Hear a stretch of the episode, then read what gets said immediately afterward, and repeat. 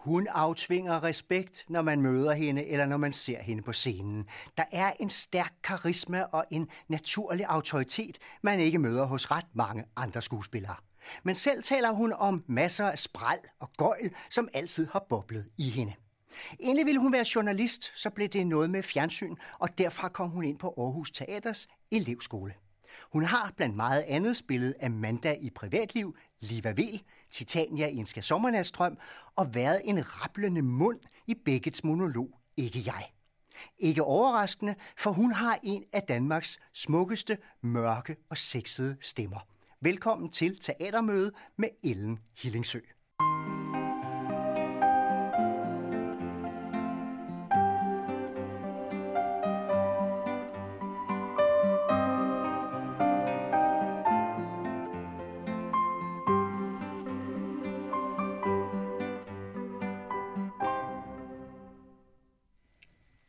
Lige nu spiller du Liva Vel, en skuespiller, stor skuespiller, hårdt liv, sej karriere, alkoholproblemer, stor sangstemme. Er hun ikke meget langt væk fra dig? Hård karriere, stor sangstemme. jo, på papiret jo. Og jeg blev også noget chokeret, da Kasper Wilson fik den fremragende idé. Øh, Kasper Wilson og jeg, vi har sådan prøvet at bejle til hinanden i nogle år, og han ville gerne have mig ind på teateret, og vi er frem og tilbage, og det har ikke passet. Og så ringede han i foruroligende god tid og sagde, at han havde fået en alle tiders idé. Han synes nemlig, at jeg skulle spille Liva Vel. Liva Vel? Ja, det synes han var en fremragende idé. Og jeg kan ikke helt huske, om jeg var i rummet, da han fik idéen, eller om han ringede til mig. Det er sådan ligesom, da jeg vidste, at jeg skulle ind og tale med dig. Sådan ting frem og tilbage, og jeg havde det bare sådan, hvad tænker du på? Det er en altiders idé. Og så havde jeg det bare sådan, jamen, øh, stor sangstemme. Øh, var hun ikke kæmpe stor? Havde hun ikke et frygteligt hårdt liv? Var hun ikke bare... Altså, revy, jeg har aldrig beskæftiget mig med det. Altså, er det ikke bare så fjern fra mig, som det overhovedet kan komme? Han synes, det var en altidens idé. Så tænkte jeg, okay, Jamen altså, så må jeg jo ringe rundt til de sureste, jeg kender i branchen. Ikke? Mine sureste og grummeste og hårdeste kolleger, jeg ringede, og dem, der kender mig rigtig godt, så jeg ringede sådan til Christoffer Bærdal, en instruktør, som er en god venner, jeg arbejder med masser af gange. Han synes det var en meget fed idé. Nå, så ringer jeg til en, der er endnu surere, nemlig Sten Stil Lommer, og som kender mig rigtig godt, og hvem jeg har arbejdet for flere gange, og hans kæreste Stine Oleander. Og så spurgte jeg dem, prøv lige at høre, Kasper Wilson har fået den her idé. Altså, hvad tænker I? Det skal du gøre. Og så jeg sådan spurgte mig rundt, og jeg blev hele tiden mødt med det svar, jeg ikke havde nogen forventning om. Øh, og det pirkede til min nysgerrighed, for jeg er grundlæggende meget nysgerrigt menneske. Og så sagde jeg, så tag, ringede jeg til Kasper og sagde, okay, prøv lige at høre, okay, jeg vil gerne overveje det, men jeg vil gerne bede om en audition. Jeg vil faktisk gerne have, at du ved, hvad det er, du står med. Fordi jeg har ikke sunget i min karriere. Øh, jeg har ikke spillet øh, revy. Øh, så jeg synes ligesom, at øh, du og instruktøren, dramaturgiatet og kapelmester og jeg skal mødes, og så kan jeg synge for jer.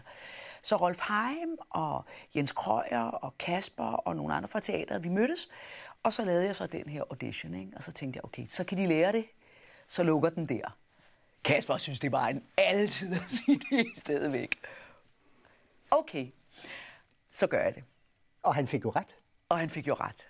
Det var altid idé. Det var en alle tiders idé. Og så jeg var jo sådan lidt desperat, så tænker hvordan skal jeg så gribe det her an?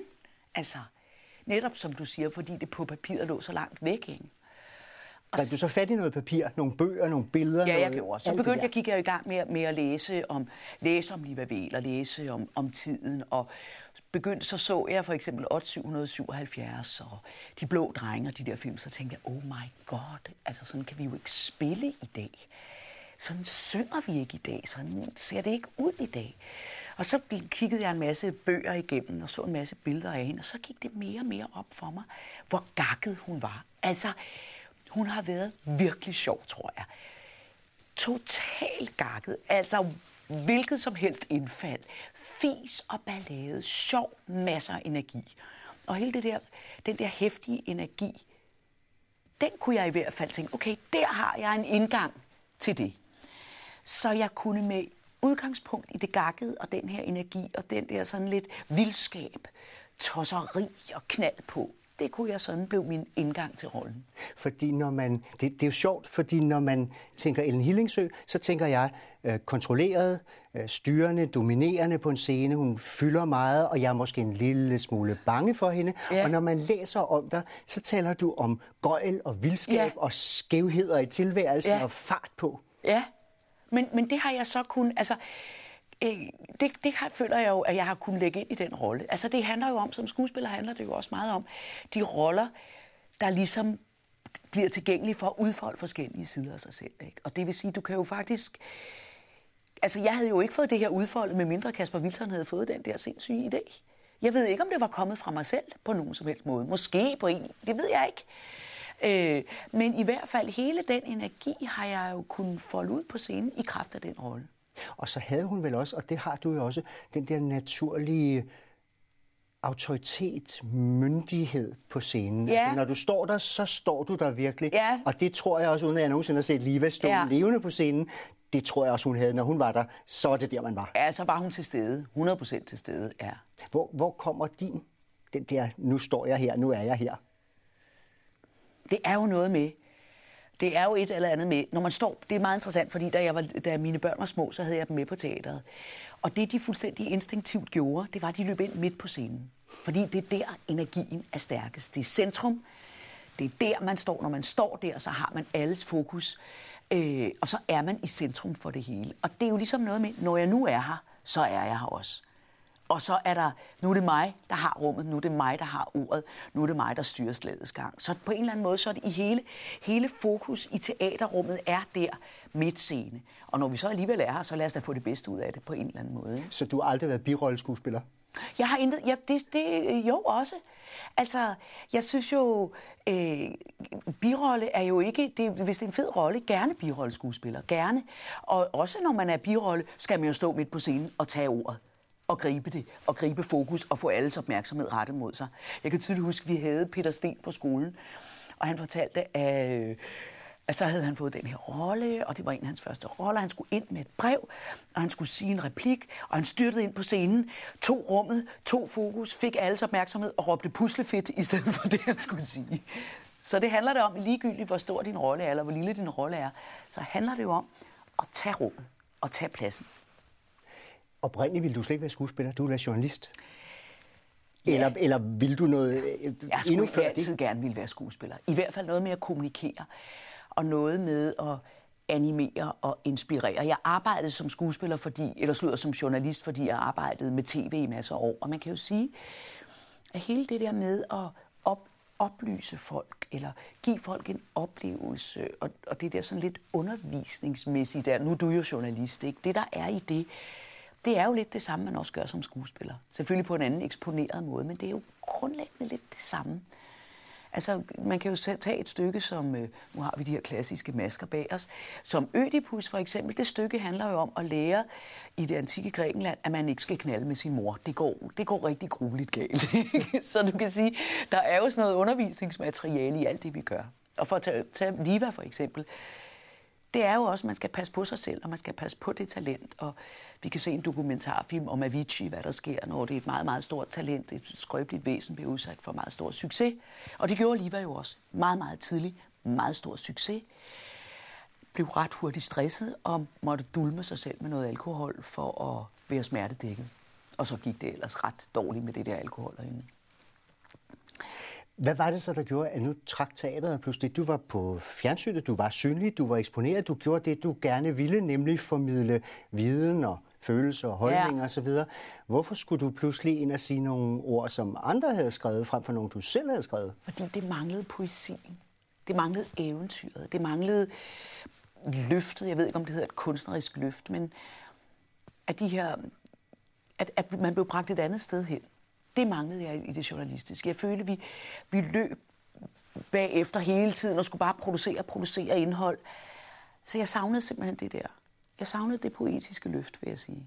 Som jo er det, teatret også underviser i. For nu sagde du det med, at man skal ikke gå i seng med sin mor. Nej. Men, men vi bliver jo også undervist, når vi går i teatret, i følelser og i at håndtere store følelser, se store følelser, Jamen, som regel er større, end vi selv er. Er meget større. Vi lytter til et sprog, vi ikke er vant til at høre, og øh, vi, se, vi oplever nogle mennesker leve nogle følelser igennem for os, som gør, at vi kan komme i kontakt med andre følelser. Så det var sådan set det, der drev mig. At jeg manglede lige præcis det der løft der. Ikke? Jeg kan ikke lade være at tænke, når jeg for gud ved hvilken gang sidder og ser Matador, så tænker jeg, her har vi Oberstens Vicky, ja. og her har vi generalens Ellen. Ja, ja. Hvad sagde generalen til, at nu skulle Vicky være skuespiller? Altså nu kan man sige, at, at obersten er lidt anderledes end generalen. Jeg tror, at generalen i virkeligheden... Det er jo tit det der med fordomme. Det er, at der er jo noget, man bliver fri for at tænke, når, man har, når der er en fordom. Ikke? Og når man tænker general, så tænker man firkantet, strækmarsch ude i sneen og så videre, og så videre. Men sådan er, har min far aldrig nogensinde været. Eller det har aldrig været en opvækst, jeg har fået sådan en, du ved, autoritær, klassisk øh, øh benhård soldateropdragelse. På det ingen som helst måde. Det, det opdragelsen har været præget af, synes jeg, en disciplin, og det er at gøre tingene ordentligt, når man gør det. Øh, så han synes, det var en altiders idé, at man kan sige, at de er sådan ret melodramatiske i min familie, så det der med at optræde og lave fis og ballade, det lå alligevel ikke så langt væk i virkeligheden.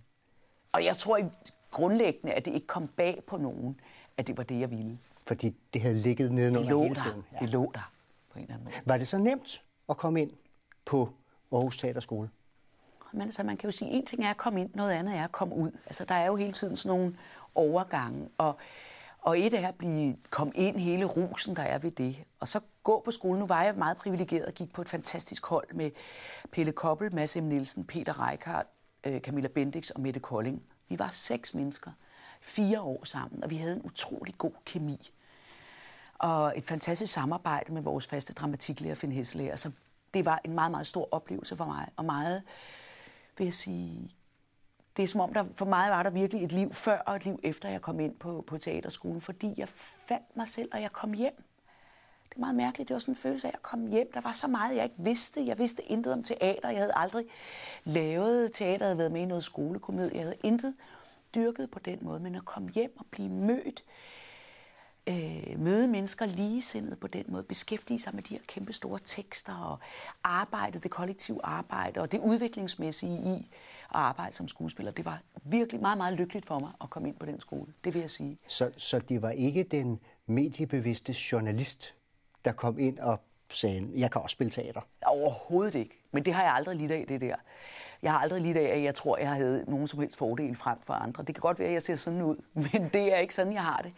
Og det er faktisk meget lyksalig over, at jeg er meget åben for, at, øh, at der altid er noget at lære. Der, og det er, det er aldrig til at sige, hvem der kan lære mig det. Altså, der kan stå en tekniker ude i kulissen og sige, hvorfor betoner du egentlig ordet der? Altså, er det ikke noget andet, den sætning handler om? Øh, gud jo, det er da rigtigt. Altså, øh, for eksempel vores øh, forestillingsleder her på Liva, Lærke Foss, hun gjorde os opmærksom på, at vi sang, man binder os på mund og hånd. Vi, vi sang faktisk noget forkert.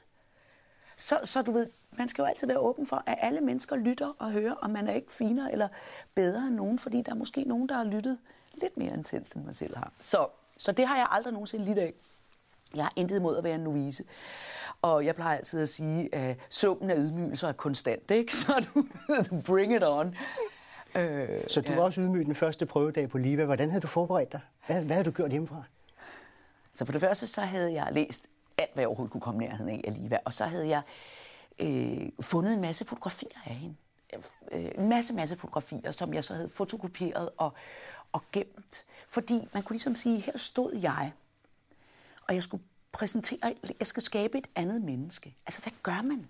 Hvordan, hvilken arrogance er det? Og så lavede jeg en pagt med mig selv og Liva, et eller andet sted, hvor hun end er, at okay, et liv for et liv. Ikke? Så, så får du mig. Så, så stiller jeg mig til rådighed. Men hvordan kan jeg ligesom udvide mig? Og så så jeg, som sagt, alle de her fotografier af Liva, og så lod mig inspirere den gestik, hun havde, ting, hun gjorde, det vanvid, hun repræsenterede på de billeder. Og så øh, tog jeg de her forskellige gæstige, hedder det det, øhm, og fåede dem ind forskellige steder, hvor jeg tænkte, det kan jeg jo bruge her. Gud, der gør hun det. Den måde med fusikken snøre overskægget der. Øh, Gud, hvis, hvis jeg, det, jeg synger øh, Kammerat, er du klar? Det var noget, vi fandt på i prøveforløbet. Så bad jeg øh, Michaela, som er, står for sminken inde på Folketeateret, om et overskæg, fordi jeg havde set et billede af Liva med et overskæg. Ikke? Og så havde jeg også set, at hun, når hun snor overskægget Liva, så gør hun det opfra.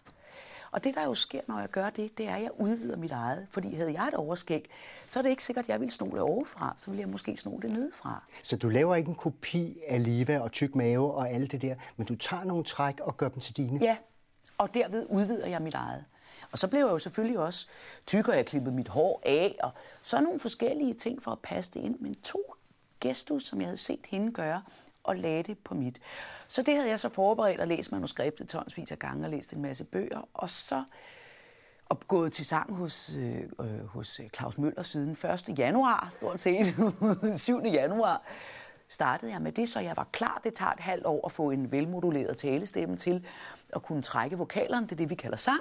Det tager sådan cirka et halvt år at præparere en stemme til det. Jeg synger jo ikke som en Birgitte Råbær eller en Henrik Kofod eller Carsten Jansford. Det kommer jeg aldrig til.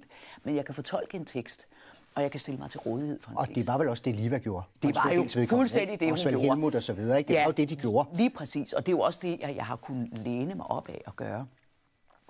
At sige, det er det, jeg kan komme med på den måde. Og så gik vi så ellers i gang med prøverne. Havde du en forventning om, at det her det bliver den største udfordring eller det største problem?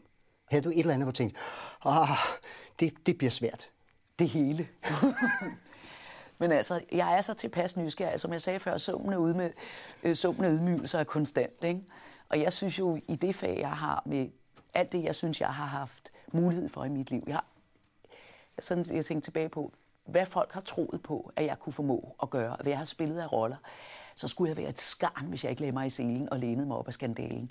Når nu Kasper troede på det, og hele teatret havde toget på det, så jeg var der ved at skide grønne grise, for at sige det mildt. Altså jeg var redselslagen, mest redselslagen for, om det ville bære, altså om nu folk havde købt billetter, og den, for det er jo det, man står med, har jo det ansvar over for de mennesker, man skal spille det for.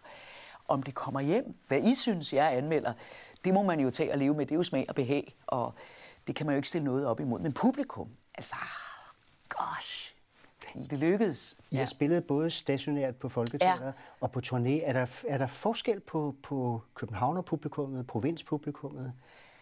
Vi har rejst rundt, vi har spillet 35 forestillinger rundt omkring i landet, og vi er blevet mødt med åbne arme. Det har været en det har været helt fantastisk at komme ud med det her stykke danefag, som man kan sige PH's tekster og lige hvad vi på den måde er. Altså at give, man binder også på mund og hånd, som blev det her kæmpe symbol, som den sang er på den danske besættelse og vores indre kamp og sådan noget. At komme ud og stå med det rundt omkring i landet, det er jo lavet om til en fællessang, hvilket er et genialt træk fra Rolf Heim, den frækkert side, ikke?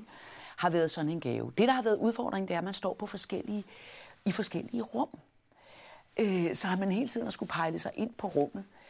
Men det har, været, det har givet så meget mening. Det har givet mening hver replik. Altså hver, hvert vers, hver linje har givet mening. Og vi er blevet mødt med åbne arme. Og det er en meget, kan man sige, ekstrovert forestilling. Det er, en, det er jo en forestilling, der gerne vil sit publikum, der gerne vil spille, som er, er så åben. Ikke? Altså det er det mest udadvendte, jeg tror, jeg har spillet i mit liv, faktisk. Og det har været så vidunderligt at møde publikum med det, og vi er blevet modtaget med åbne arme rundt omkring i landet. Og lad så hoppe til måske det mest indadvendte, du har spillet. For før Liva var du jo ja. kun en mund. Ja. Du havde jo en milliard ord, ja. der bare skulle ud af den her røde mund ja. i en rasende fart, en monolog af Samuel Beckett, ja. ikke jeg, og man så kun din ja. mund. Hvorfor siger man ja til det? Fordi det er den mest fantastiske tekst, jeg nogensinde har læst. Altså, jeg har en ret sjov anekdote med det, fordi jeg filmede med Morten Grundvald. Vi, vi filmede en film for, for nogle år siden i Grønland, der hed Eksperimentet, og så sad jeg og snakkede med Morten, og jeg sad sådan og fortalte, og vi snakkede og snakkede, snakkede, snakkede, snakkede, snakkede, snakkede, og vi havde snakket og snakket og snakket og snakket og snakket og snakket, snakket noget papegøjer gør. Og så pludselig så siger han til mig, han har sådan noget lidt udgrundligt over sig, Morten, så sagde han, har du hørt om en monolog, der hedder Ikke jeg af Samuel Beckett? Nej, den havde jeg aldrig hørt om prøv lige at gå hjem og se den på YouTube. Så gik jeg hjem, så så jeg på YouTube. Så så jeg bare den der mund, der snakkede. Og så så jeg pludselig for mig, hvad det var, Morten havde siddet overfor. Det var bare mig, der simpelthen simpelthen så også på den side og på din side. Så sagde han, den synes jeg, du skal lave. Og så gik der nogle år, og jeg jo kender til Samuel Beckets værk. Jeg blev faktisk tilbudt at spille Glæde Dage på et tidspunkt, da jeg set Vinter på Godot og læst de her fantastiske stykker. Så pludselig tikkede der en sms ind en dag. Har du stadigvæk lyst til ikke jeg KH Morten. Og jeg var bare sådan, hvad? Øh, kan du ikke lige ringe? Og så var det så Morten, der i hvad, 80 års fødselsdagsgave havde fået af Østre Gasværk Teater at lave en forestilling. Og så ville han gerne lave øh, tre gange Beckett og foreslå mig at lave den her monolog. Med Walter Asmus, som var Samuel Becketts assistent og yndlingsinstruktør. Og det var en kæmpe, kæmpe oplevelse. Det er det sværeste tekst overhovedet. Da jeg, jeg, når jeg indøver, så øver jeg altid gennem øret og også sådan ved, ved øjet. Og jeg indtalte den, kan jeg huske, jeg skulle rundt i landet og holde nogle foredrag. Og så indtalte jeg den sådan, så når jeg kørte rundt, så kunne jeg høre det. Og da jeg ind, havde indtalt det sådan i almindelig tempo, der varede det omkring 25 minutter. Og da jeg stod på scenen og var færdig, varede den 8 minutter. Og det var jo tirader af ord. Og, og Samuel Beckett, der skal man jo kunne det. Ord for ord. Og det skal kunne fuldstændig udenad, for det er næsten en symfoni. Altså det er et stykke musik. Øhm, og så det vil sige, hvert eneste ord minutiøst skulle læres udenad. Og det, du kan sige som skuespiller, det er, at når man står på scenen, så har man fysikken at huske med. Jeg har min medspiller, hvis det nu er dig at huske. Når du siger det, så tager jeg glasset, og så går jeg derhen, og så gør jeg, som man har det, der hedder et arrangement. Det havde jeg ikke i den her monolog. Jeg stod i nærmest i en gabestok, et stykke sort bræt, hvor der var sat hul til munden, og næsen, der kunne hvile sådan her. Og så skulle jeg ellers stå og huske det der fuldstændig. Og det, der var sådan, det var, at jeg var nødt til at tømme mit hoved fuldstændig, inden jeg gik på scenen. Altså, hvis der var, husk at give hunden mad. Sådan nogle tanker måtte ikke komme ind, så jeg havde sådan en blok. Jeg måtte øh, skrive alle tanker ned. Og så var det noget med at, at stå her og så læne sig ind i, i, i de her ord. Og jeg huskede det både på, altså både huskede det visuelt, huskede det lydmæssigt, og alligevel huskede det fysisk også. Og det var så svært, at jeg græd af lettelse hver aften, øh, øh, fordi jeg kom igennem det. Du, det er det sværeste, jeg nogensinde i mit liv har prøvet. Du faldt aldrig ud? Altså, så lavede jeg loop, hvis jeg blev i tvivl, så kom jeg tilbage igen. Ikke?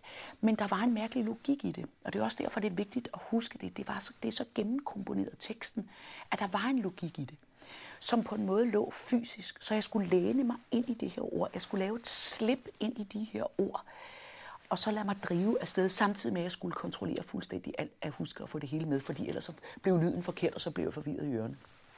Det er det sværeste, jeg nogensinde har prøvet i mit liv den dumpede ned. Man kan sige, Liva dumpede ja. endnu mere ned. Er der andre roller i din karriere, der sådan er dumpet ned, hvor du tænkte, det har jeg aldrig forestillet mig? Jamen, jeg synes næsten det meste af det på en eller anden måde. Masser. Så dumpede det pludselig ned af Sergi Belbel, øh, den, den katalanske dramatiker, synes jeg var alle tider. Altså, han er gode venner med Simon Boberg. Øh, som jo både er instruktør og oversætter, og, og var gode venner med ham, og så ville Simon lave et et, øh, en forestilling for nogle år siden, masser år siden, der hed Mobil. Og så kom Sergi Belbel på besøg, og det synes han bare var altid, så han skrev to stykker med, inspiration øh, ud fra, fra mig og det samarbejde, som Simon og han og jeg havde, som jo var helt fantastisk. Og det er jo ikke noget, jeg på den måde andet havde drømt om eller forestillet mig. Er der, er der så noget, du har drømt om? Er der en rolle, der burde dumpe ned, hvis der var retfærdigt? Det er jo, bare, det er jo et skide sjovt spørgsmål, det der. Fordi hvis jeg har en drømmerolle, så har jeg jo allerede en stivnet idé om, hvordan den skal være. Og vil jeg så have den plasticitet og den åbenhed, der skal til? Eller vil jeg prøve så at søge hen imod min drøm? Jeg kan huske Karen Wiener, vi gik på, da vi gik der på skuespillerskolen, så Karen, Winters, øh, Karen Wieners drøm var at spille fru Alving i genganger. I øvrigt det stykke, jeg har set flest gange. Det er underligt stykke. Kæft, fantastisk stykke. Anyway, det var hendes øh, drømmerolle, og så fik hun den her drømmerolle. Ikke? Men hun havde dårlig kemi med instruktøren, dår, altså dårlig kemi med scenografen. Det, det blev ikke en drøm. Det blev ikke det, hun havde forventet i sit hoved med sin drømmerolle. Så for at svare på dit spørgsmål, lang historie kort, hvad er en drømmerolle?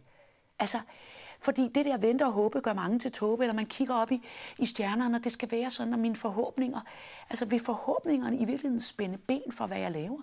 Er det måske ikke at gøre de ting, som folk ser mig i til drømmerollerne? For jeg bliver helt sådan, hvad fanden er min drømmerolle? Det aner jeg da ikke.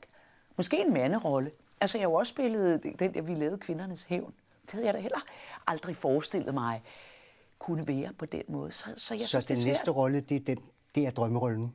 Ja, i virkeligheden. Det er den næste rolle altid. Det blev det sidste ord i dette teatermøde med Ellen Hillingsø.